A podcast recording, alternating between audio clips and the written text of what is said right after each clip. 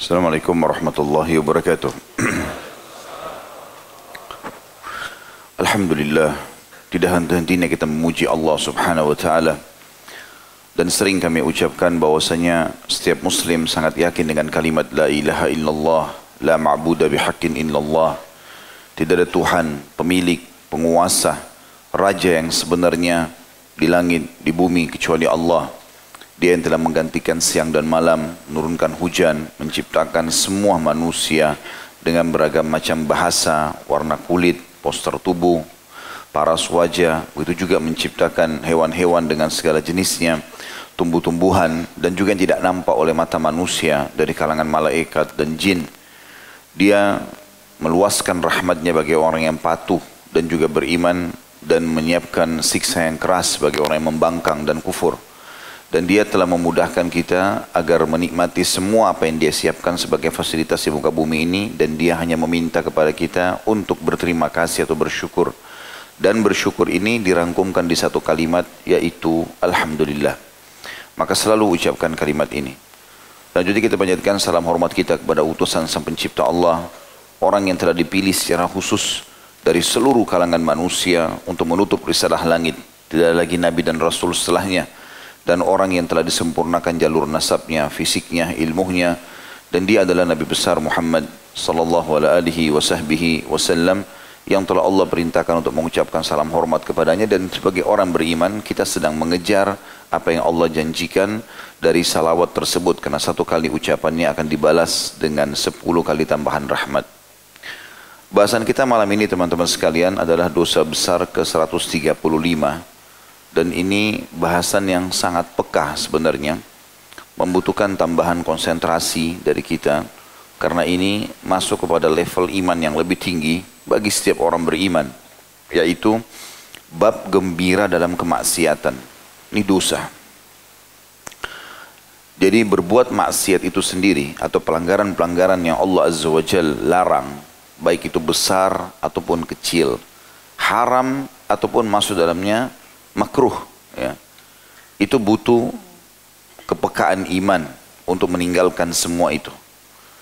Dan kalau ada yang melanggar seseorang atau seseorang melanggar sesuatu yang haram, pasti dia kena hukuman. Tidak ada keraguan dalam masalah itu. Sebagaimana juga orang yang melakukan ketaatan pasti akan mendapatkan rahmat dan kasih sayang, juga rezeki. Dan ini harus ditanamkan benar dalam hati setiap orang di antara kita. Karena ini adalah fakta yang ada. Terlalu banyak contoh orang-orang sebelum kita di mana para nabi-nabi dan para pengikutnya yang telah beriman kepada Allah dan terus memupuk iman mereka sampai pada tingkat mereka disiksa pun mereka tidak meninggalkan keimanan itu karena sangat pekah mereka merasakan betul kenikmatannya. Dan tidak akan pernah kita rasakan kenikmatan iman, juga ibadah selama kita masih membuka keran kemaksiatan.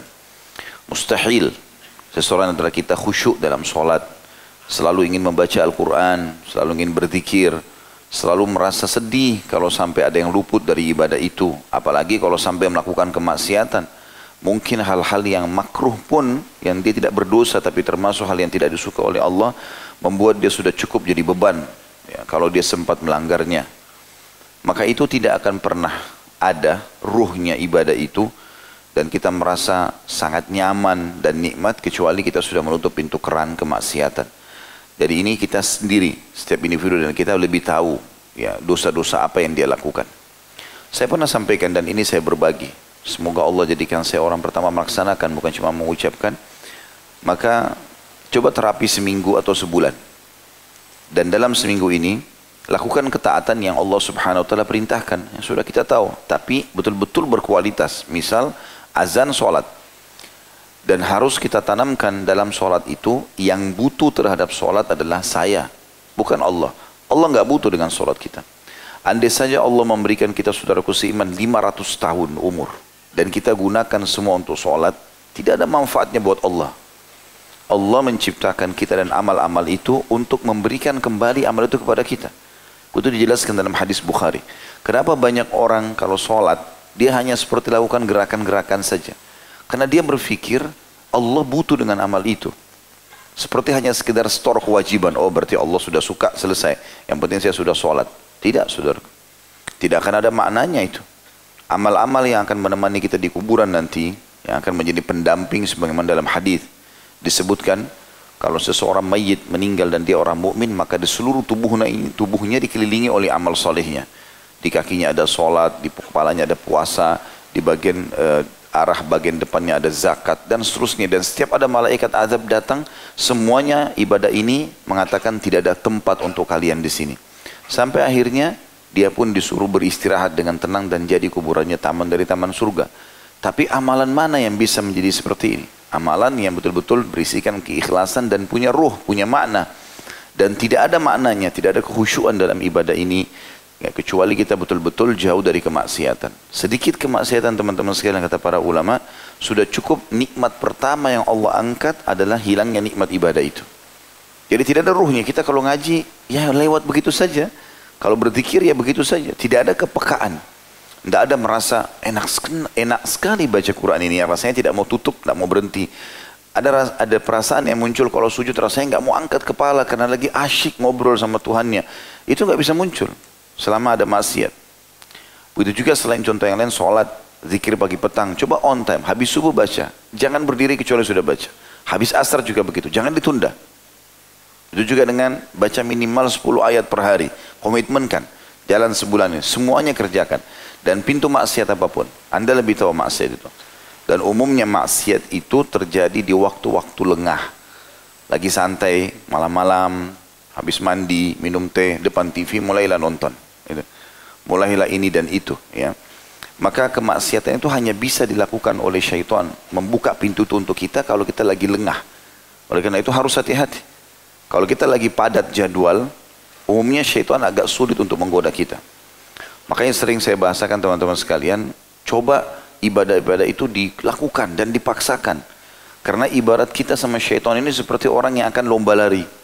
Selama kita masih di garis start, belum memulainya, belum mulai salat malam, belum mulai sedekah, belum mulai hadir majelis ilmu, belum mulai semuanya, tapi sudah tahu, maka kita seperti sedang mau bertanding dengan seorang musuh. Musuh ini punya kekuatan untuk menjatuhkan mental kita. Ya, dia akan mengatakan, kau nggak bisa, kau nggak mampu, kau akan kalah, kau akan begini. Dan kita kalah dengan itu. Belum memulainya sudah kalah, gitu kan. Bagaimana caranya supaya musuh ini tidak bisa mengganggu kita atau bahkan bisa kita kalahkan? Larilah. Mulai start, gitu kan. Nah, memulai start ini dengan mulai melakukan ibadah-ibadah ini, membaca keutamaan-keutamanya dan itu harus dengan ketulusan hati. Ada orang, nggak ada orang, tetap saya kerjakan maka membuat rival kita, lawan kita dari syaitan, dia tidak bisa menggoda kecuali dia punya kekuatan yang sama dengan kita. Kecepatan, misalnya kita lari uh, 10 km per jam misalnya, anggaplah lambat, lari kecil. Maka syaitan juga kalau mau menggoda kita dia nggak mungkin tinggal di garis start, dia harus lari seperti kita. Itu pun kalau dalam kondisi orang sedang lari, rival itu nggak bisa. Kadang-kadang apa yang dia lemparkan dari kata-kata untuk menjatuhkan mental kita, itu bisa sampai bisa enggak. Karena kita sedang lari. Apalagi kalau kita kecepatan tinggi.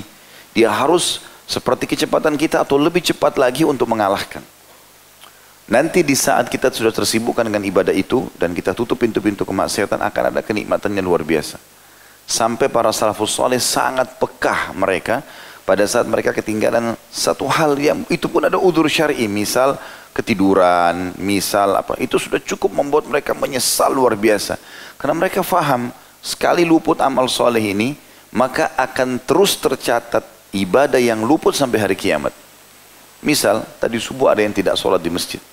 Anggap dia punya udur syari. Kita tidak bicara orang yang tidak punya udur syari. Orang punya udur syari. Kita bicara sekarang kepekaan iman. Orang punya udur syari, misal dia ketiduran. Udur syari. Dia bangun, sudah selesai sholat berjamaah di masjid. Kalau kaum salafus salih dari sahabat dan tabi'in dulu itu sudah cukup membuat mereka menyesal-nyesal berbulan-bulan gara-gara itu saja. Karena mereka sangat peka. Di buku amalnya akan tercatat di hari itu, sholat subuh itu tidak dikerjakan di masjid. Walaupun ada uzurnya. Dan itu tidak bisa diubah sampai hari kiamat. Kita akan temukan di buku amal. Sekali luput ibadah itu maka selesai. Dan ini butuh kepekaan. Itu ada di tangan kita. Dan harus kita memaksakan diri merasa kita butuh dengan ibadah itu. Contoh sholat teman-teman. Kita harus sadari Allah nggak butuh pertama dalam dari di ibadah sholat itu dan juga di setiap gerakannya dan bacaannya ada pahala. Jangan pernah hilangkan satu pahala pun di situ. Coba sebentar sholat isya, antum mulai niat dalam hati dan minta kepada Allah SWT supaya pahala sholat ini nggak hilang pahalanya. Pekah, setiap bacaan walaupun tidak mengerti apa yang imam baca, ikuti. Setiap gerakan nikmati. Usahakan dari takbir sampai salam. Di situ antum akan maksimal mendapatkan pahala. Dan harus begitu memang. Tidak boleh kita biarkan syaitan mencuri semaunya saja. Oh nggak apa-apa nih, misalnya menghayal dan seterusnya. Itu dari syaitan. Dan ini semuanya juga akan ada kemaksiatan. Kata sebagian ulama salaf, kalau seandainya seseorang itu coba menjaga hubungannya dengan Allah, dan kita akan baca nanti banyak statement para ulama salaf berhubungan dengan masalah itu, maka nanti dia kalau menjaga hubungannya dengan Allah SWT akan muncul kepekaan dalam ibadah itu. Artinya ada ruhnya, ada maknanya, sehingga muncullah kehusyuan dan kenikmatan tersendiri. Bahkan nanti sampai pada tingkat kita membenci kemaksiatan. Apa yang orang itu buat? Kenapa dia melanggar? Muncul itu. Karena kita sudah pekah dalam masalah-masalah seperti ini. Itu kalau seandainya orang buat dosa secara umum. Ada itu dosa ya. Apa saja dosa kita lakukan ada ada hukumannya, ya, ada ancamannya. Ada dosa lain yang nanti menambah beban dosa itu sendiri, yaitu bergembira dengan dosa. Ada orang berbuat dosa, ini tidak boleh, sudah cukup mengganggu kepekaan dia dengan Allah SWT. Dan ini untuk kembali kepada kepekaan awal butuh pendongkrak yang lebih kuat. Jadi kalau seandainya dia dulu dengar masalah neraka, kemudian dia mulai taubat kepada Allah SWT, terus dia futur, turun lagi imannya, kembali kepada kemaksiatan dan dia berikan kesempatan syaitan untuk mengajak dia bermain di alam maksiat itu, akhirnya dia terbawalah dengan arus godaan-godaan tersebut untuk kembali kepada tingkat iman yang pertama, butuh pendongkrak yang lebih besar. Biar kita dengarkan ceramah yang sama belum tentu terdongkrak. Makanya sulit sekali. Saya pernah kasih gambaran, Dosa itu seperti jurang. Kita ada di, di atas gunung yang tinggi. Dosa itu jurang. Kapan kita sekali terjerumus, ya, walaupun tidak loncat, tetap jatuh terguling. Dan untuk naik butuh mendaki. Bisa difahami ini? Jadi ini penting, pekah sekali. Makanya saya bilang kita bicara tentang masalah keimanan dan harus faham masalahnya teman-teman. Ini kalau tertanam dalam hati, kita akan berjalan sendiri atau rame-rame, akan selalu merasa ditemani oleh Allah SWT. Itu penting dan itu pola hidup seorang muslim. Mau dia hidup di negara Islam, negara kafir, di mana pun dia berada, dia adalah figur orang yang selalu merasa diawasi oleh Tuhannya. Dan dia nikmati ibadah itu. Ya. Nah bergembira dengan kemaksiatan itu, misal dengan contoh menceritakan kepada orang, berbangga-bangga dengan perbuatan pelanggarannya. Karena ada orang begitu, dia mencuri di kantor misalnya. Dia bangga sama teman-temannya. Atau dia menipu orang. Bangga. Dia sampai menjadikan bahan tertawaan misalnya atau dia berzina malamnya. Dia bangga, dia menceritakan hotelnya, dia menceritakan perempuannya, dia berbangga, bahkan dia ajak temannya untuk tidur sama perempuan yang sama. Mungkin dia traktir, ini bahaya. Ini gembira ini dosa sendiri. Jadi selain dizinanya dosa, itunya juga dosa. Bergembirahnya itu. Nah itu yang diangkat oleh Syekh Muhammad bin Wahab rahimahullah di dosa besar ini. Saya bacakan dulu dalilnya. Di antara yang membuat penyesalan besar nanti hari kiamat adalah bergembira dengan kemaksiatan ini. Diangkat dalilnya surah Al-Insyiqaq ayat 13. Kalau yang pegang bukunya itu di halaman 25 ya. Dan perlu saya sampaikan juga kita membedah buku ini memang teracak, tidak tidak berurut sesuai dengan daftar isi karena ada sebagian yang sudah pernah kita bahas di buku kitab uh, Al-Kabair Imam Az-Zahabi rahimahullah. Bunyinya Al-Insyiqaq ayat 13, A'udzu billahi rajim, innahu kana fi ahlihi masrura.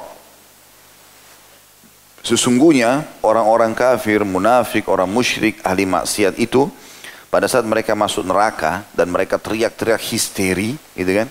Kalau ada yang bertanya, kenapa mereka harus sampai disiksa seperti ini? Jawabannya Allah, Allah sudah kasih kita di dunia. Innahu sesungguhnya dia dulu di dunia kana fi ahlihi pada saat dia berada di kalangan teman-temannya, sesama orang kafir, sama orang munafik, sama orang maksiat, selalu bergembira. Jadi dia gembira dengan maksiat, mabuk-mabukan gembira-gembira, bangga-bangga. Salah satu ciri kegembiraan selain menceritakan juga dia mendukung kemaksiatan itu. Ada orang subhanallah dia ke diskotik, tahu dosa. Terus dia merasa menyesal, masih mending walaupun ini tidak baik. Saya sudah bilang di awal pembukaan tadi, Jangan buka pintu itu supaya ada kepekaan ibadah. Karena orang seperti ini hilang kepekaan ibadah. Tapi ada orang lebih buruk daripada itu. Dia bukan cuma sekedar ke diskotik, dia pikir ini bagus, menguntungkan, dia buka. Ngundang orang berbuat maksiat. Bentuk kegembiraannya dia. Kalau dia nggak gembira, dia nggak bakal mungkin mau buka seperti itu.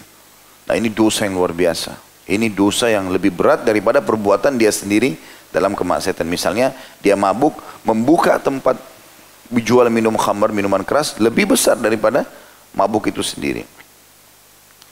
Sebaliknya kalau orang-orang beriman, orang-orang beriman masuk ke dalam surga, mereka merasakan nikmat yang luar biasa, bidadari, bidadara, istana, kenikmatan abadi yang luar biasa. Sulit untuk digambarkan makanan, minuman, pakaian.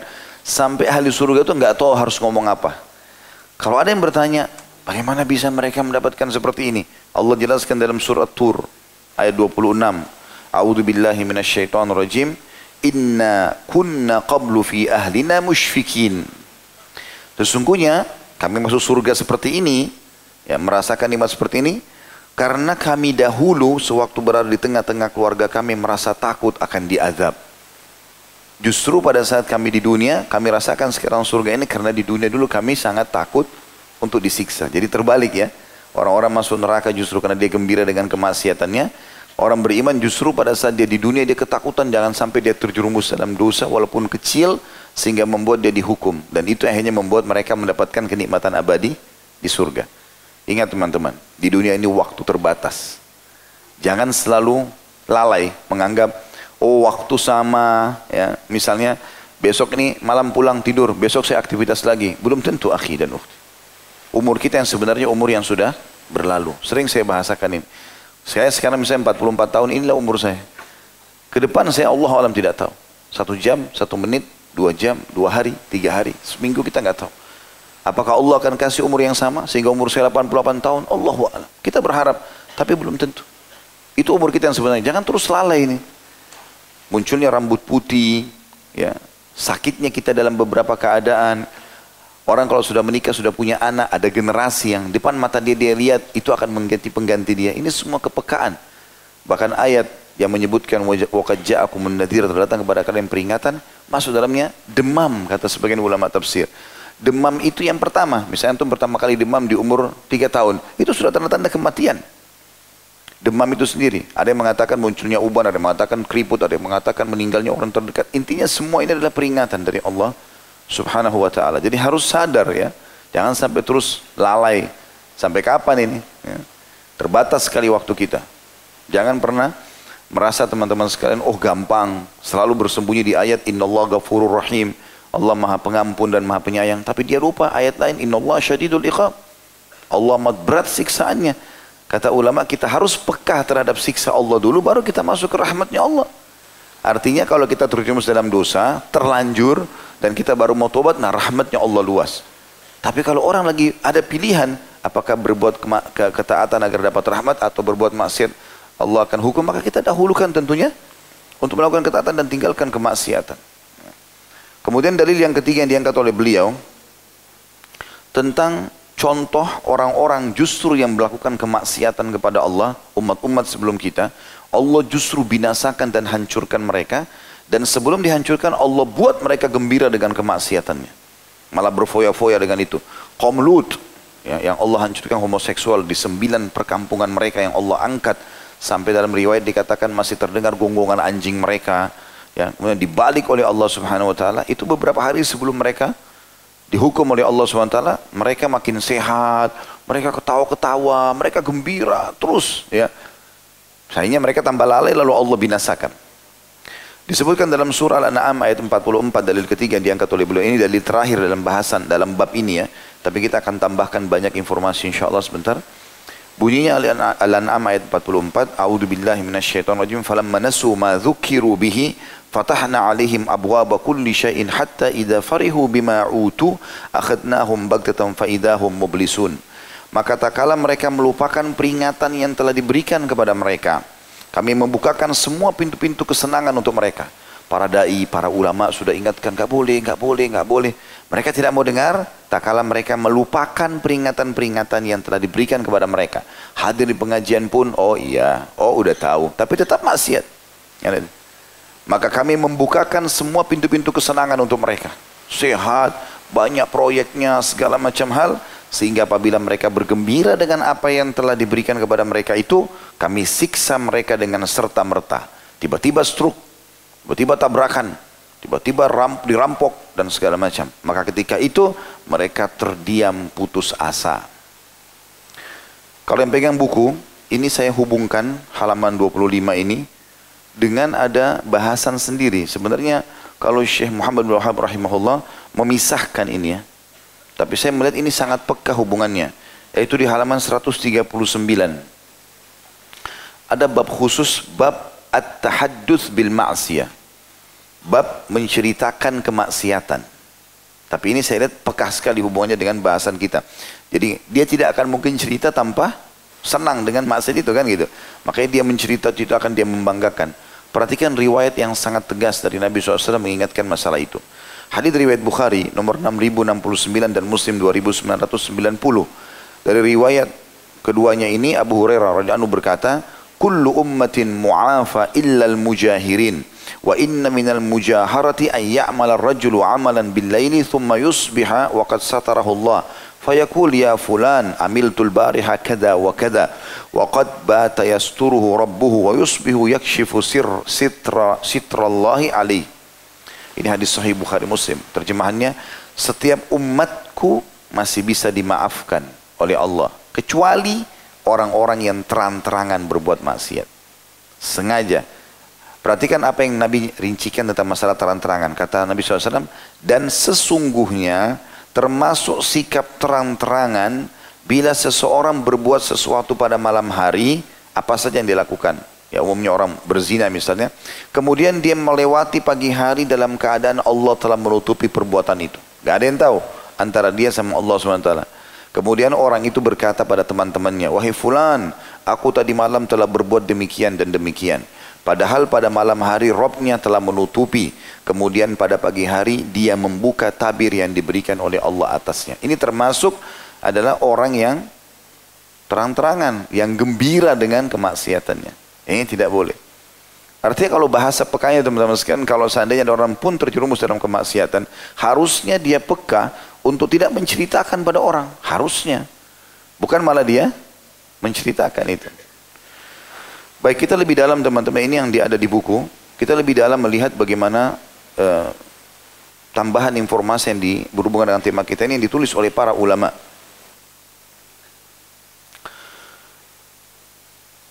Ada beberapa keadaan di mana kita dilarang bersenang-senang. Ya, ada juga keadaan di mana kita boleh bersenang-senang ya.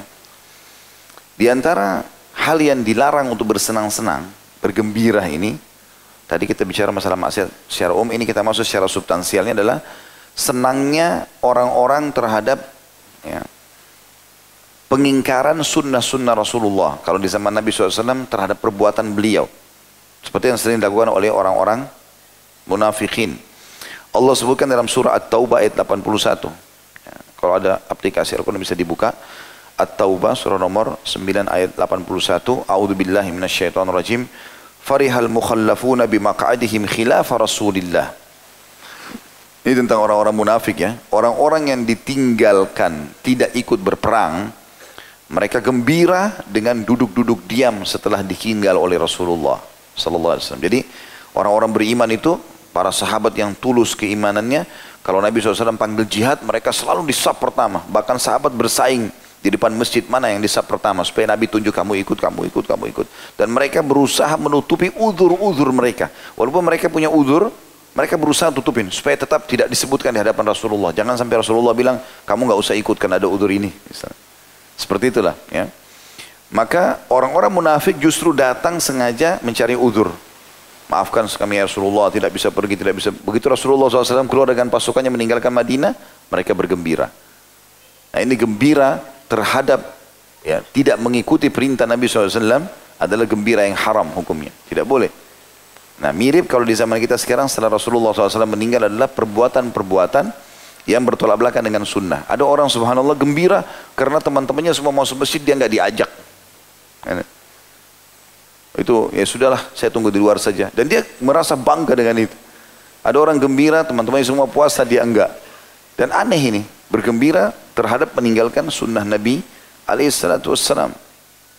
Yang kedua, yang dilarang juga adalah bergembira ya, yang membuat lalai dan lupa terhadap akhirat, terhadap dunia. Ya, atau bergembira terhadap dunia, yang membuat lalai terhadap akhirat. Jadi kita boleh gembira dengan pakaian, dengan makanan, dengan apa pun yang Allah kasih di dunia ini.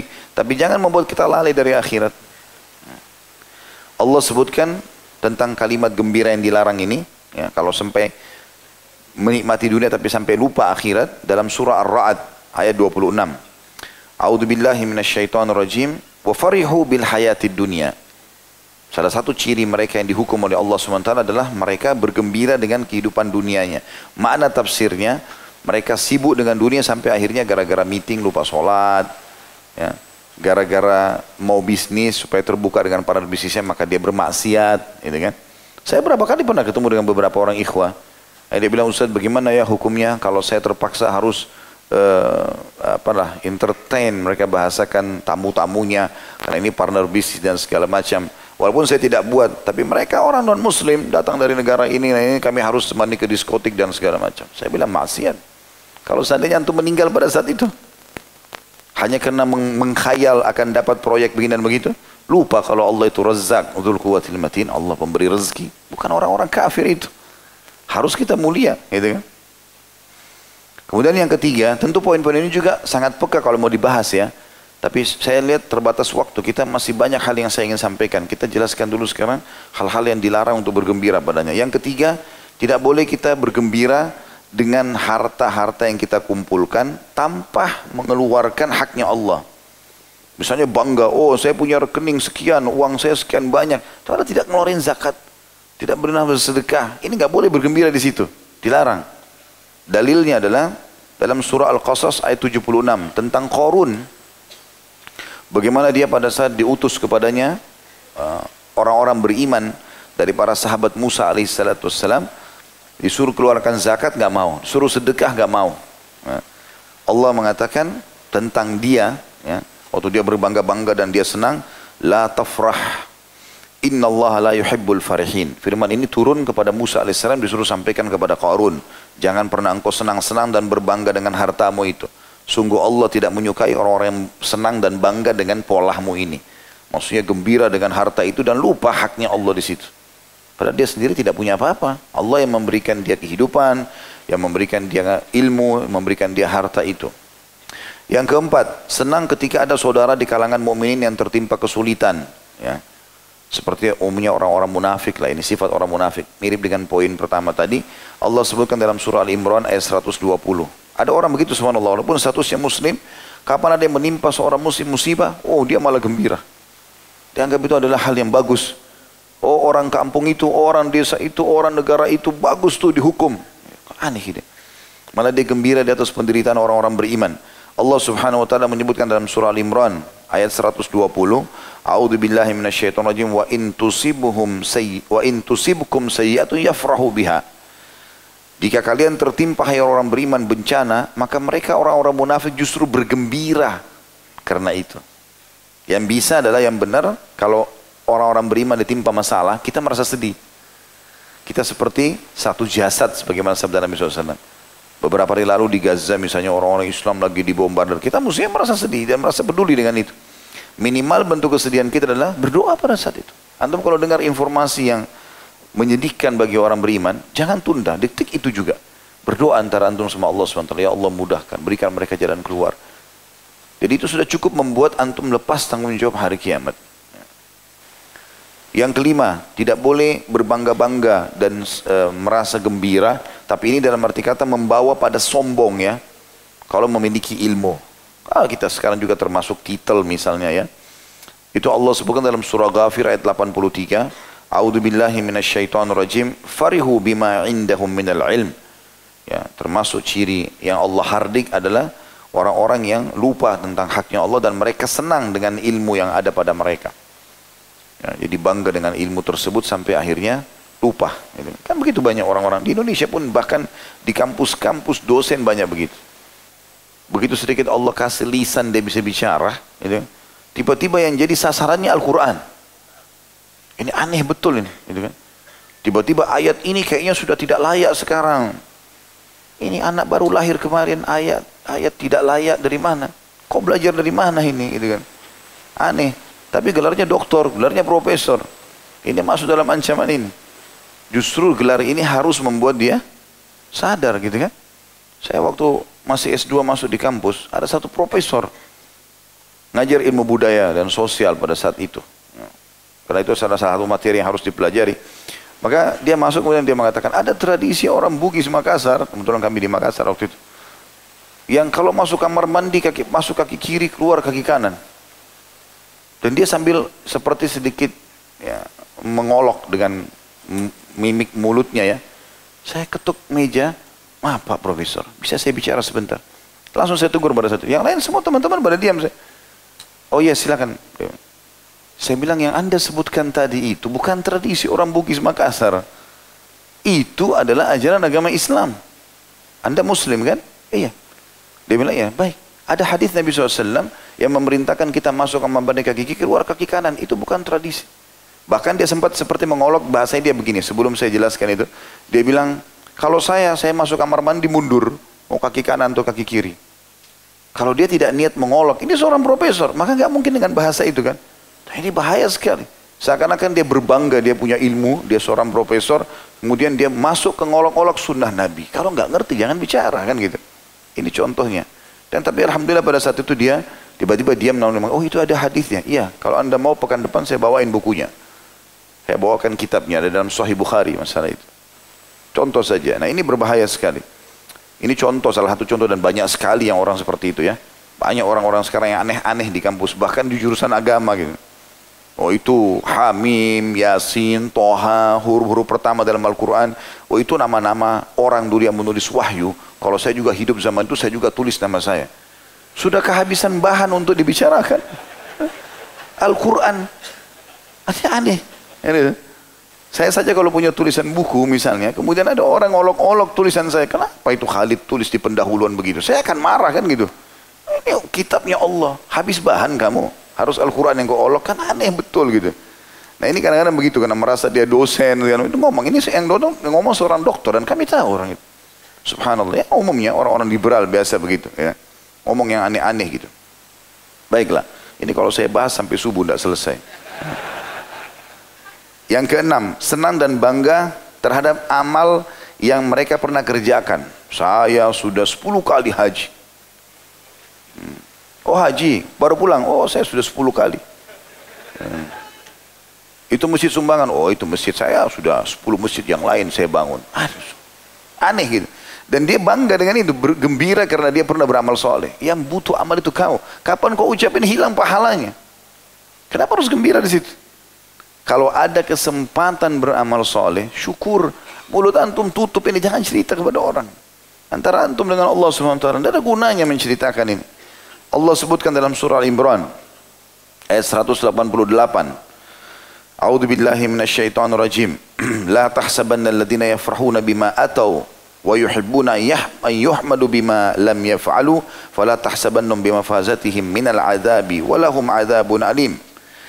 Jangan sekali-kali kamu mengira bahwasanya orang-orang yang gembira dengan apa yang telah mereka kerjakan dan mereka suka dipuji atas perbuatan yang tidak mereka lakukan.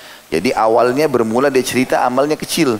Lama-lama nanti muncul was-was syaitan, dia ingin dipuji dalam semua lini walaupun dia tidak kerjakan. Jangan sekali-kali kamu mengira bahwa mereka akan lolos dari azab. Pasti Allah hukum. Mereka akan mendapatkan azab yang pedih. Nah, jadi ini peringatan-peringatan dari Allah subhanahu wa ta'ala agar jangan sampai kita bergembira. Ini model-model gembira yang dilarang ya, yang tidak boleh.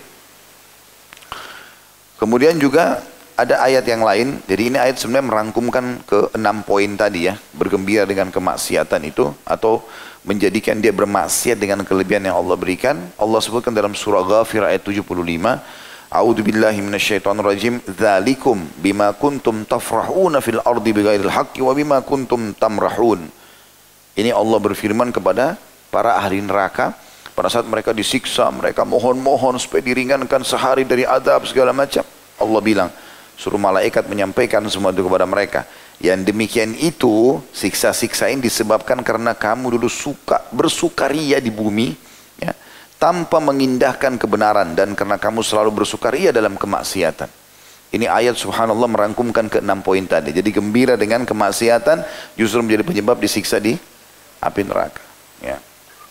Sebaliknya, kalau orang yang bergembira karena dia beribadah kepada Allah, tapi antara dia sama Allah misal, antum Allah mudahkan bangun sholat malam. Lalu antum merasa, Alhamdulillah ya Allah engkau berikan aku kesempatan. Jadi kita merasa pekah, kita bisa sedekah, kita gembira dan bersyukur kepada Allah karena Allah berikan kesempatan. Kalau Allah tidak gerakkan hati kita untuk mengeluarkan kita tidak sedekah, tidak dicatat di buku amal pada hari itu. Berapa banyak orang yang dilewati orang miskin, lewat-lewat dibiarkan. Padahal kesempatan depan matanya sudah dapat pahala, tapi dia tidak mau. Ya. Kalau kita diberikan kesempatan berbuat ibadah, kita boleh bergembira, tapi antara kita sama Allah. Kapan kita ceritain orang lain nanti malah jadi masalah, bisa riak gitu kan.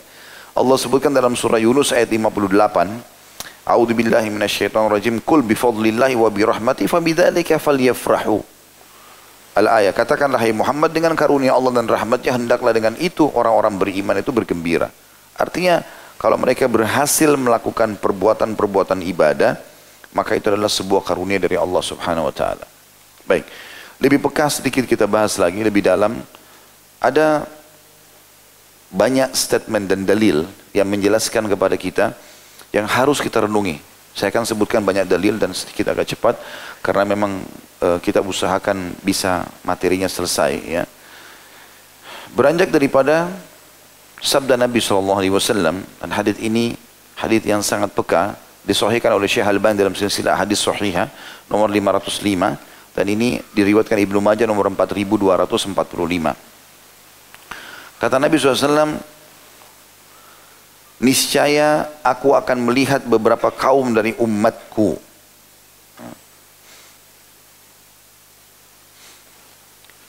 Dikatakan pada hari kiamat nanti dengan membawa laksana gunung-gunung Tihama dari pahala yang berwarna putih. Nanti akan datang hari kiamat umatku ahli ibadah. Pahalanya bergunung-gunung. Ya dia sholat, ya dia puasa, ya dia haji, ya dia sedekah, segala macam. Seperti gunung-gunung Tihama. Tihama ini gunung-gunung yang sangat tinggi, besar gitu ya. Kemudian Allah Azza wa Jal menjadikannya seperti debu yang berterbangan di depan mata dia hari kiamat. Tidak ada manfaatnya buat dia. Lalu ada yang bertanya, wahai Rasulullah, jelaskan sifat mereka kepada kami. Siapa orang-orang ini? Bawa pahala bergunung-gunung hari kiamat, tapi akhirnya Allah hancurkan depan mata mereka, dibuat seperti debu yang berterbangan, artinya tidak akan ditimbang, timbangan amal. Tidak ada manfaatnya bagi mereka. Beritahukan kepada kami, ya, siapa mereka, agar kami tidak menjadi bagian dari mereka, sementara kami tidak tahu maka Nabi SAW menjawab, ketahuilah mereka adalah saudara kalian. Satu bangsa dengan kalian. Artinya sama kaum muslimin. Dan bangun malam sebagaimana kalian bangun malam. Mereka juga sholat malam. Tapi jika mereka menyendiri dengan larangan-larangan Allah, mereka melanggarnya. Ternyata orang-orang ini adalah orang yang sholat iya, puasa iya, segala macam. Tapi pada saat dia lagi sendiri, tidak ada orang yang lihat, dia maksiat kepada Allah. Maksiatnya ini cukup menghancurkan semua amal solehnya tadi. Nah, jadi ini kepekaan teman-teman. Artinya kita harus pekah menjaga hubungan dengan Allah SWT ini sendiri atau rame-rame. Kalau lagi sendiri itu, di situlah diuji keimanan antum. Datangnya kesempatan berzina, datangnya kesempatan berbohong, datangnya kesempatan. Tapi antum sendiri pun, ya tidak ada orang-orang, itu justru di situ puncaknya ujian. Karena kalau antum lolos di situ, nanti di depan orang antum akan lebih peka. Kalau sendiri aja kita tidak maksiat, maka pasti di depan orang juga tidak akan kita lakukan. Seperti itulah. Ini hadis yang sangat tegas mengingatkan kepada kita ya makna daripada firman Allah SWT dalam surah Isra surah nomor 17 ayat 17 A'udzu billahi minasyaitonir wa kafa bi rabbika bidunubi ibadi khabiran basira dan sesungguhnya cukuplah Tuhanmu maha mengetahui lagi maha melihat dosa hamba-hambanya sayang banyak sekali orang di antara kita Ya, semoga Allah maafkan. Mereka selalu berpikir kalau dia dilihat oleh anak kecil mau buat dosa atau dilihat oleh orang yang dia kenal atau bahkan dia tidak kenal. Tiba-tiba dia berhenti bermaksiat. Dan dia tidak fikir ada zat yang sedang melihat dia Allah Azza Bagaimana seseorang teman-teman tidak peka dalam poin seperti ini? Dia bisa berbuat maksiat sementara dia tahu sebenarnya Allah Maha mendengar. Allah Maha melihat. Allah maha mengetahui dan Allah amat keras siksaannya. Bagaimana orang mengetahui ini semua baru dia langgar gitu kan? Maka itu yang dimaksud dengan firman Allah tadi. Dan juga dalam surah Al-Baqarah, surah nomor 2 ayat 74, Allah juga berfirman, ini makna hadis tadi itu adalah penjelasan daripada ayat-ayat ini. Wa mallahu bighafirin amma ta'malun. Allah tidak akan pernah lalai terhadap apa yang kalian kerjakan. Tidak mungkin luput dari Allah hukuman terhadap dosa itu dan juga balasan kebaikan bagi orang-orang yang beribadah. Juga sama dengan surah Al-Baqarah, masih surah yang sama tadi, ayat 77 Allah berfirman, A'udzu billahi minasyaitonir rajim, awala ya'lamuna annallaha ya'lamu ma yusirruna ma yulinun? Tidakkah mereka itu mengetahui bahwasanya Allah mengetahui segala yang mereka sembunyikan dan segala yang mereka tampakkan? Mirip dengan ini juga surah At-Taubah ayat 78, surah nomor 9. A'udzu billahi minasyaitonir rajim. Alam ya'lamu Allah ya'lamu sirrahum wa najwahum wa Allah 'allamul ghuyub Tidakkah mereka tahu bahwasanya Allah mengetahui rahasia dan bisikan mereka dan bahwasanya Allah amat mengetahui segala yang gaib. Ayat-ayat ini harus kita renungi ya karena ayat-ayat ini menandakan kita harus lebih takut kepada Allah daripada apa pun karena Allah mengetahui semua itu. Dan Allah menyebutkan dan menghardik orang yang justru malu dengan manusia dia malu tidak mencuri, dia malu tidak berzina, dia malu, karena dia malu sama manusia. Dan dia tidak malu sama Allah. Allah sebutkan dalam surah An-Nisa, surah nomor 4 ayat 108. A'udzu billahi minasyaitonir rajim yastakhfuna minan nasi wa la yastakhfuna minallah wa huwa ma'hum idh yubayyituna ma la yarda minal qaul wa kana Allah bima ya'maluna muhita. Mereka bersembunyi dari manusia, tapi mereka tidak bersembunyi dari Allah. Padahal Allah mengetahui mereka. Ketika pada suatu malam mereka menetapkan keputusan rahasia yang tidak Allah ridhoi dan Allah maha mengeliputi ilmu dengan ilmunya terhadap apa yang mereka kerjakan. Ya. Jadi ini sangat peka harusnya seseorang berhati-hati darinya. Juga dalam surah Fussilat Surah nomor 41 ayat 22 sampai ayat 23 Allah SWT berfirman A'udzu billahi minasyaitonir rajim.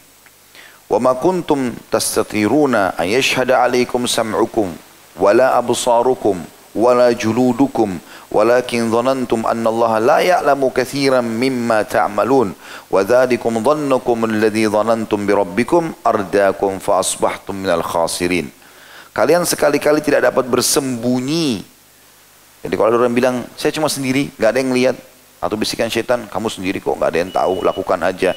Maka Allah bilang, Kalian sekali-kali tidak dapat bersembunyi dari persaksian pendengaran kalian sendiri, penglihatan kalian, dan kulit kalian terhadap diri kalian. Tapi kalian mengira bahwa Allah tidak mengetahui kebanyakan dari apa yang kalian kerjakan.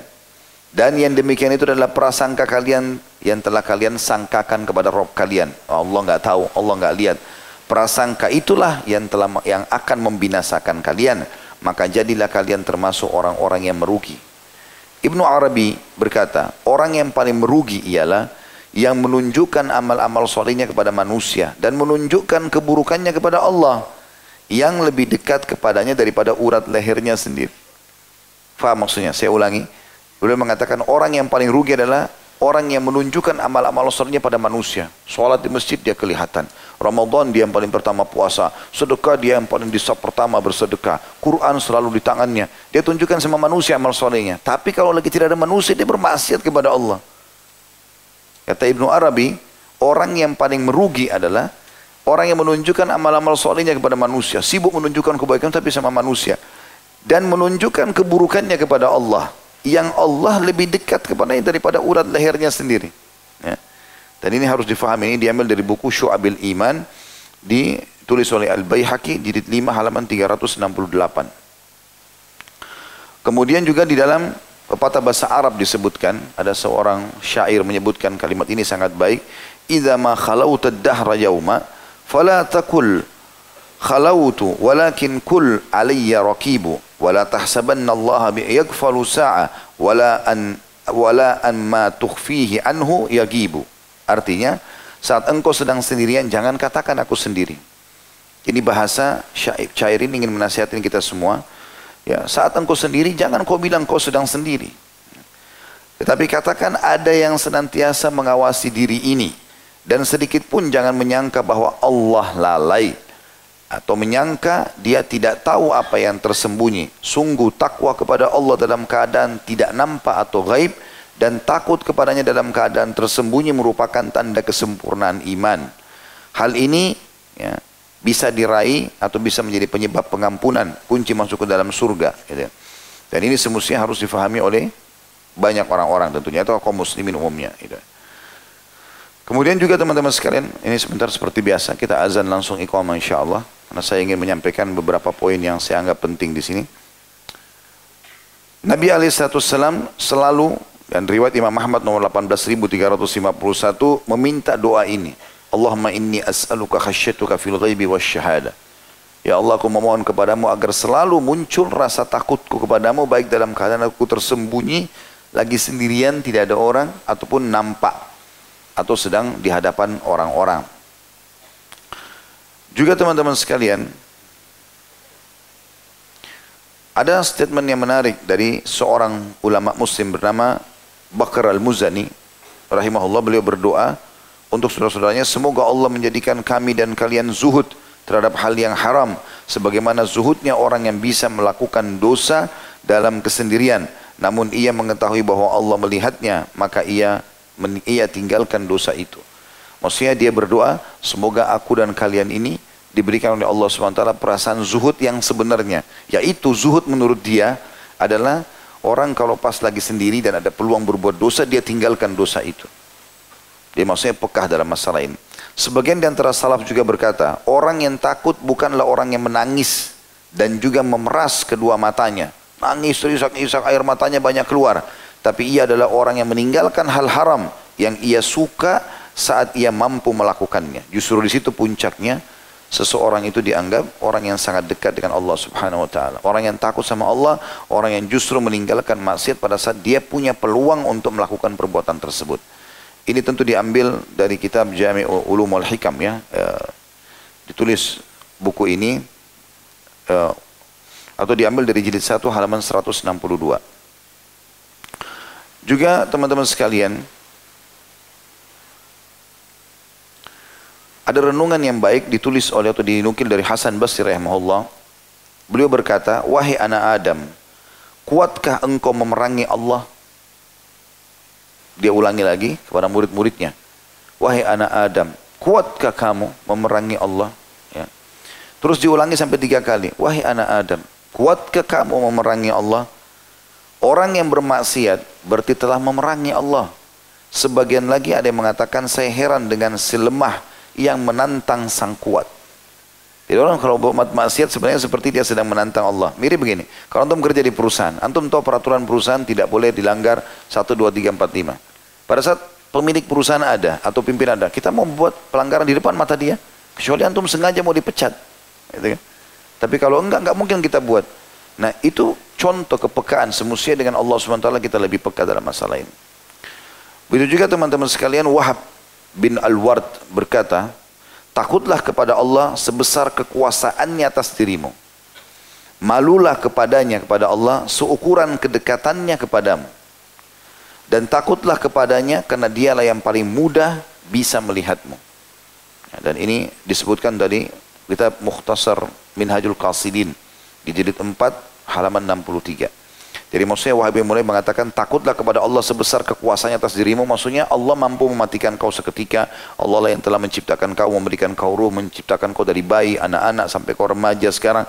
Kekuasaannya Allah sangat besar dan Allah bisa matikan kita seketika. Kata beliau takutlah kepada Allah sebesar kekuasaannya dia pada dirimu. Malulah kepadanya seukuran kedekatannya dia kepadamu. Karena Allah mengatakan, "Wa nahnu aqrabu min hablil warid." Dan kami lebih dekat lebih dekat pada manusia daripada urat lehernya sendiri, gitu kan? Maka ini dikatakan oleh dia, harusnya kau takut karena Allah sangat dekat dengan kamu. Bagaimana sih kalau pengawasan pemilik perusahaan di sebelah kita, masa kita mau langgarkan gitu? Seperti itu maksudnya. Lalu dikatakan, dan takutlah kepadanya karena dialah yang paling mudah bisa melihatmu. Demikian juga yang disampaikan oleh Ibnu Rajab rahimahullah, beliau mengatakan takwa kepada Allah dalam ketersembunyian adalah tanda kesempurnaan iman. Hal ini berpengaruh besar pada pujian untuk pelakunya yang Allah sematkan pada hati kaum mukminin. Ya. Abu Darda pernah menasihati dan ini Contoh ini dinukil juga dari kitab yang sama Mukhtasar Minhajul Qasidin di jilid 4 halaman 63. Abu Darda juga menasihati mengatakan hendaklah setiap orang takut dilaknat oleh hati kaum mukminin sementara dia tidak merasa ia menyendiri dengan maksiat maka Allah menimpakan kebencian kepadanya di hati orang-orang beriman. Jadi kalau ini juga diambil dari buku yang sama cuma di halamannya 163 uh, Maaf, ini diambil dari buku Jami Ulum wal Hikam di halaman di jilid 1 halaman 163.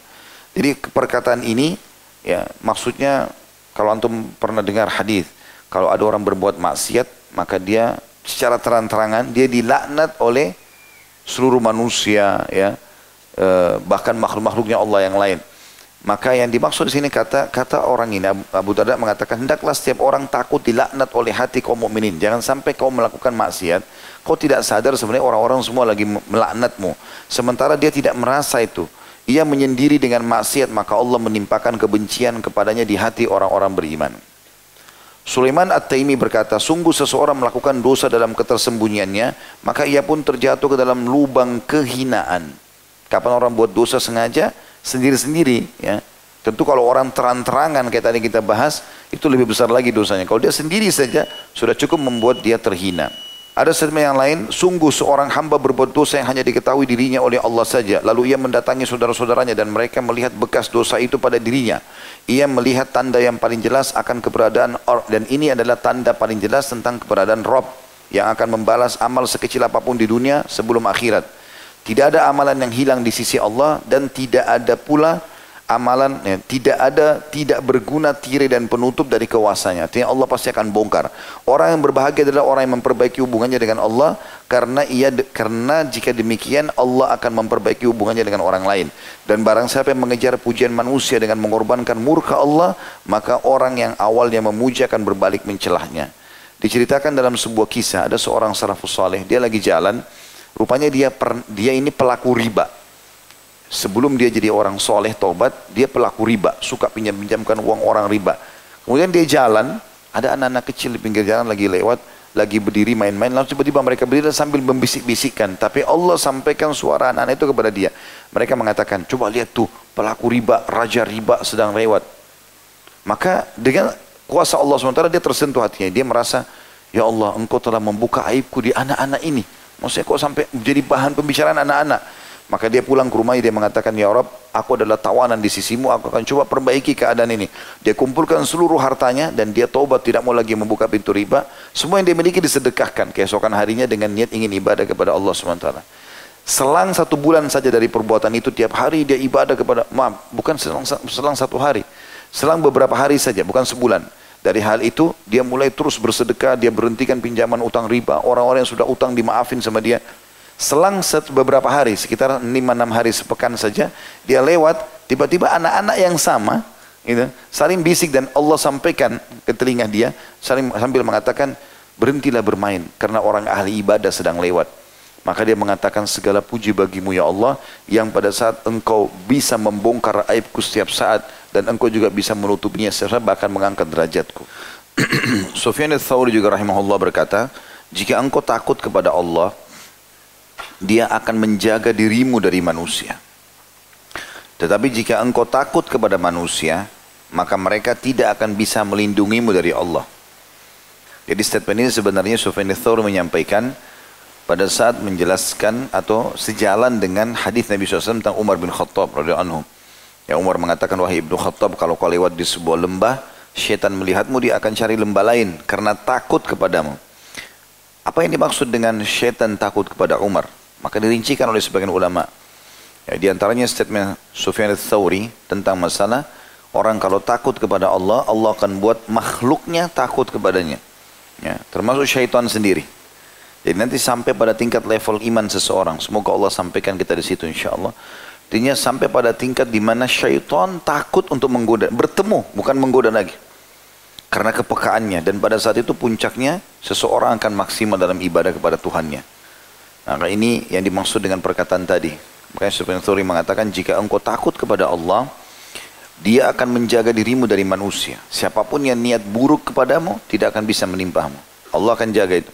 Tapi jika engkau takut kepada manusia, dia tidak berbuat pelanggaran karena ada atasannya, karena ada pasangannya, karena ada temannya yang lihat atau ada manusia yang lihat, maka mereka tidak akan bisa melindungimu dari Allah. Kalau Allah buat kau celaka gara-gara maksiat itu, mereka tidak akan bisa buat apa-apa. Ibnu Aun berpisah dengan seseorang maka ia berwasiat, takutlah kepada Allah. Karena orang yang takut kepada Allah tidak akan pernah merasa sendirian. Dia selalu ditemani oleh Allah subhanahu wa ta'ala. Tadi diambil dari buku Al-Fawaid punyanya Ibnu Qayyim rahimahullah bab takwa halaman 52. Juga Zaid bin Aslam berkata, dulu dikatakan barang siapa yang takut kepada Allah, orang akan mencintainya meskipun mereka pernah membencinya. Ini statement sama dinukil dari Ibnu Qayyim rahimahullah. Dan kita tutup teman-teman sekalian dengan uh, seorang budak wanita ya, pernah di zaman kisah salafus salih kisah klasik dulu dia rupanya pernah waktu dibeli oleh satu keluarga, keluarga itu sangat baik, sangat soleh.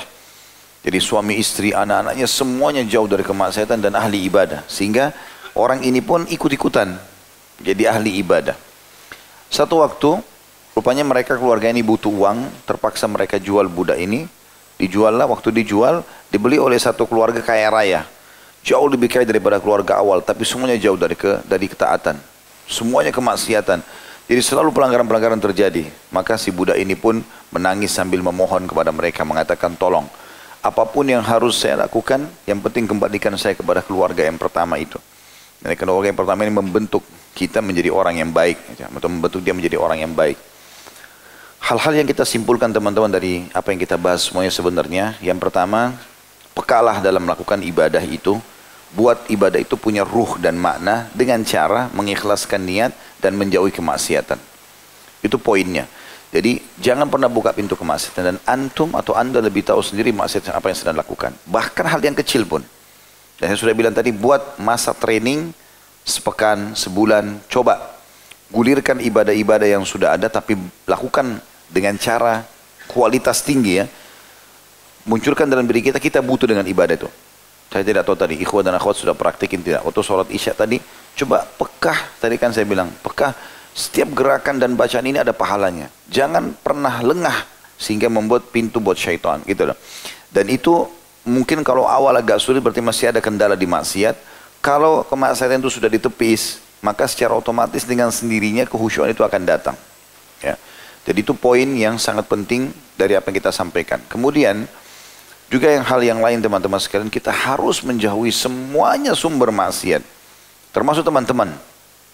Termasuk teman-teman. Dan jangan terlalaikan dengan umur yang masih muda, kulit yang masih kencang. Ya. Berbanyak angan-angan yang kita bangun. Terlalu banyak orang yang mudah, bahkan lebih muda daripada kita sudah meninggal. Jangan, ter, jangan terengah dengan harta. Terlalu banyak orang lebih kaya daripada kita sebelum mening, sudah meninggal. Jangan terengah dengan titel dan jabatan karena terlalu banyak orang yang sudah menduduki jabatan itu sudah meninggal dunia. Semua akan diminta pertanggungjawabannya hari kiamat. Kita ini adalah anak-anak akhirat. Ayah kita Adam alaihissalam dan ibu kita Hawa alaihissalam diciptakan oleh Allah untuk menjadi penghuni surga dan di sini cuma mampir. Ini dunia tempat mampir. Dan jangan sampai membuat tempat mampir ini membuat kita kembali kepada tempat yang salah. Karena Allah SWT jadikan bumi ini, dunia ini sebagai tempat cobaan. Allah ingin kita kembali ke surga dan mendapatkan tempat-tempat yang lebih baik di sana dengan cara ujian amal di sini. Sedikit berupaya untuk ketaatan kepada Allah, Allah akan kasih kita tempat yang terbaik sana. Tapi kalau terjadi pelanggaran, maka Allah siapkan tempat yang lain yaitu neraka. Ada yang kekal, ada yang juga sementara. Kekal adalah orang kafir, munafik, orang musyrik dan sementara ahli maksiat. Dan teman-teman, kalau saya pribadi menanamkan dalam diri saya, kalau saya bisa juara satu, kenapa saya harus juara dua? Kalau saya bisa jadi orang yang terbaik, kenapa saya harus orang jadi baik saja? Coba tanamkan program itu. Buat dalam prinsip hidup kita, jadi kita selalu coba menjadi orang yang baik. Dan Nabi SAW tidak melarang kita untuk bersaing positif tanpa niat untuk menjatuhkan orang lain. Pernah ada seorang sahabat begitu. Dia mengatakan, ya Rasulullah, Anda lihat, saya sangat tampan dan apa yang Allah telah berikan kepada saya dari penampilan segala macam ini. Kalau ada perasaan dalam hati saya, saya tidak ingin orang saingi saya. Tapi saya tidak ingin orang lain juga jatuh. Saya hanya ingin supaya saya terus bersaing positif. Ya. Dalam arti kata kalau ada orang sholat malam, saya juga mau sholat malam. Tapi saya bukan mau ria, saya juga tidak ucapkan pada orang. Saya juga tidak berharap orang itu hilang sebagai bentuk hasad hilang sholat malam dari dia. Gitu. Apakah itu termasuk perbuatan yang dilarang? Kata Nabi SAW, tidak. Dan Allah mengatakan dalam Al-Quran, fi dzalika falyatanafasil mutanafisun. Dan pada persaingan positif ibadah itu, keimanan, maka di situlah orang-orang mukmin bersaing, bersaing dalam arti positif di sini, tidak menjatuhkan orang lain, bukan untuk ria. Jadi kita jadikan sebagai kalimat motivator. Kenapa teman-teman kalau kita bisa masuk surga tanpa hisap, kenapa harus dihisap dulu? Kenapa kalau kita bisa masuk surga walaupun dihisap, kenapa harus kita masuk neraka dulu? Kan gitu. Ya, lebih baik jadi sekalian jadi orang yang baik gitu kan. Seperti itulah. Dan ambillah pengalaman dari orang-orang. Dan tadi imam kita sempat membaca salah satu ayat di surat maghrib tadi. Itu menceritakan masalah itu. Allah suruh kita melihat orang-orang sebelum kita. Ambil pelajaran dari mereka.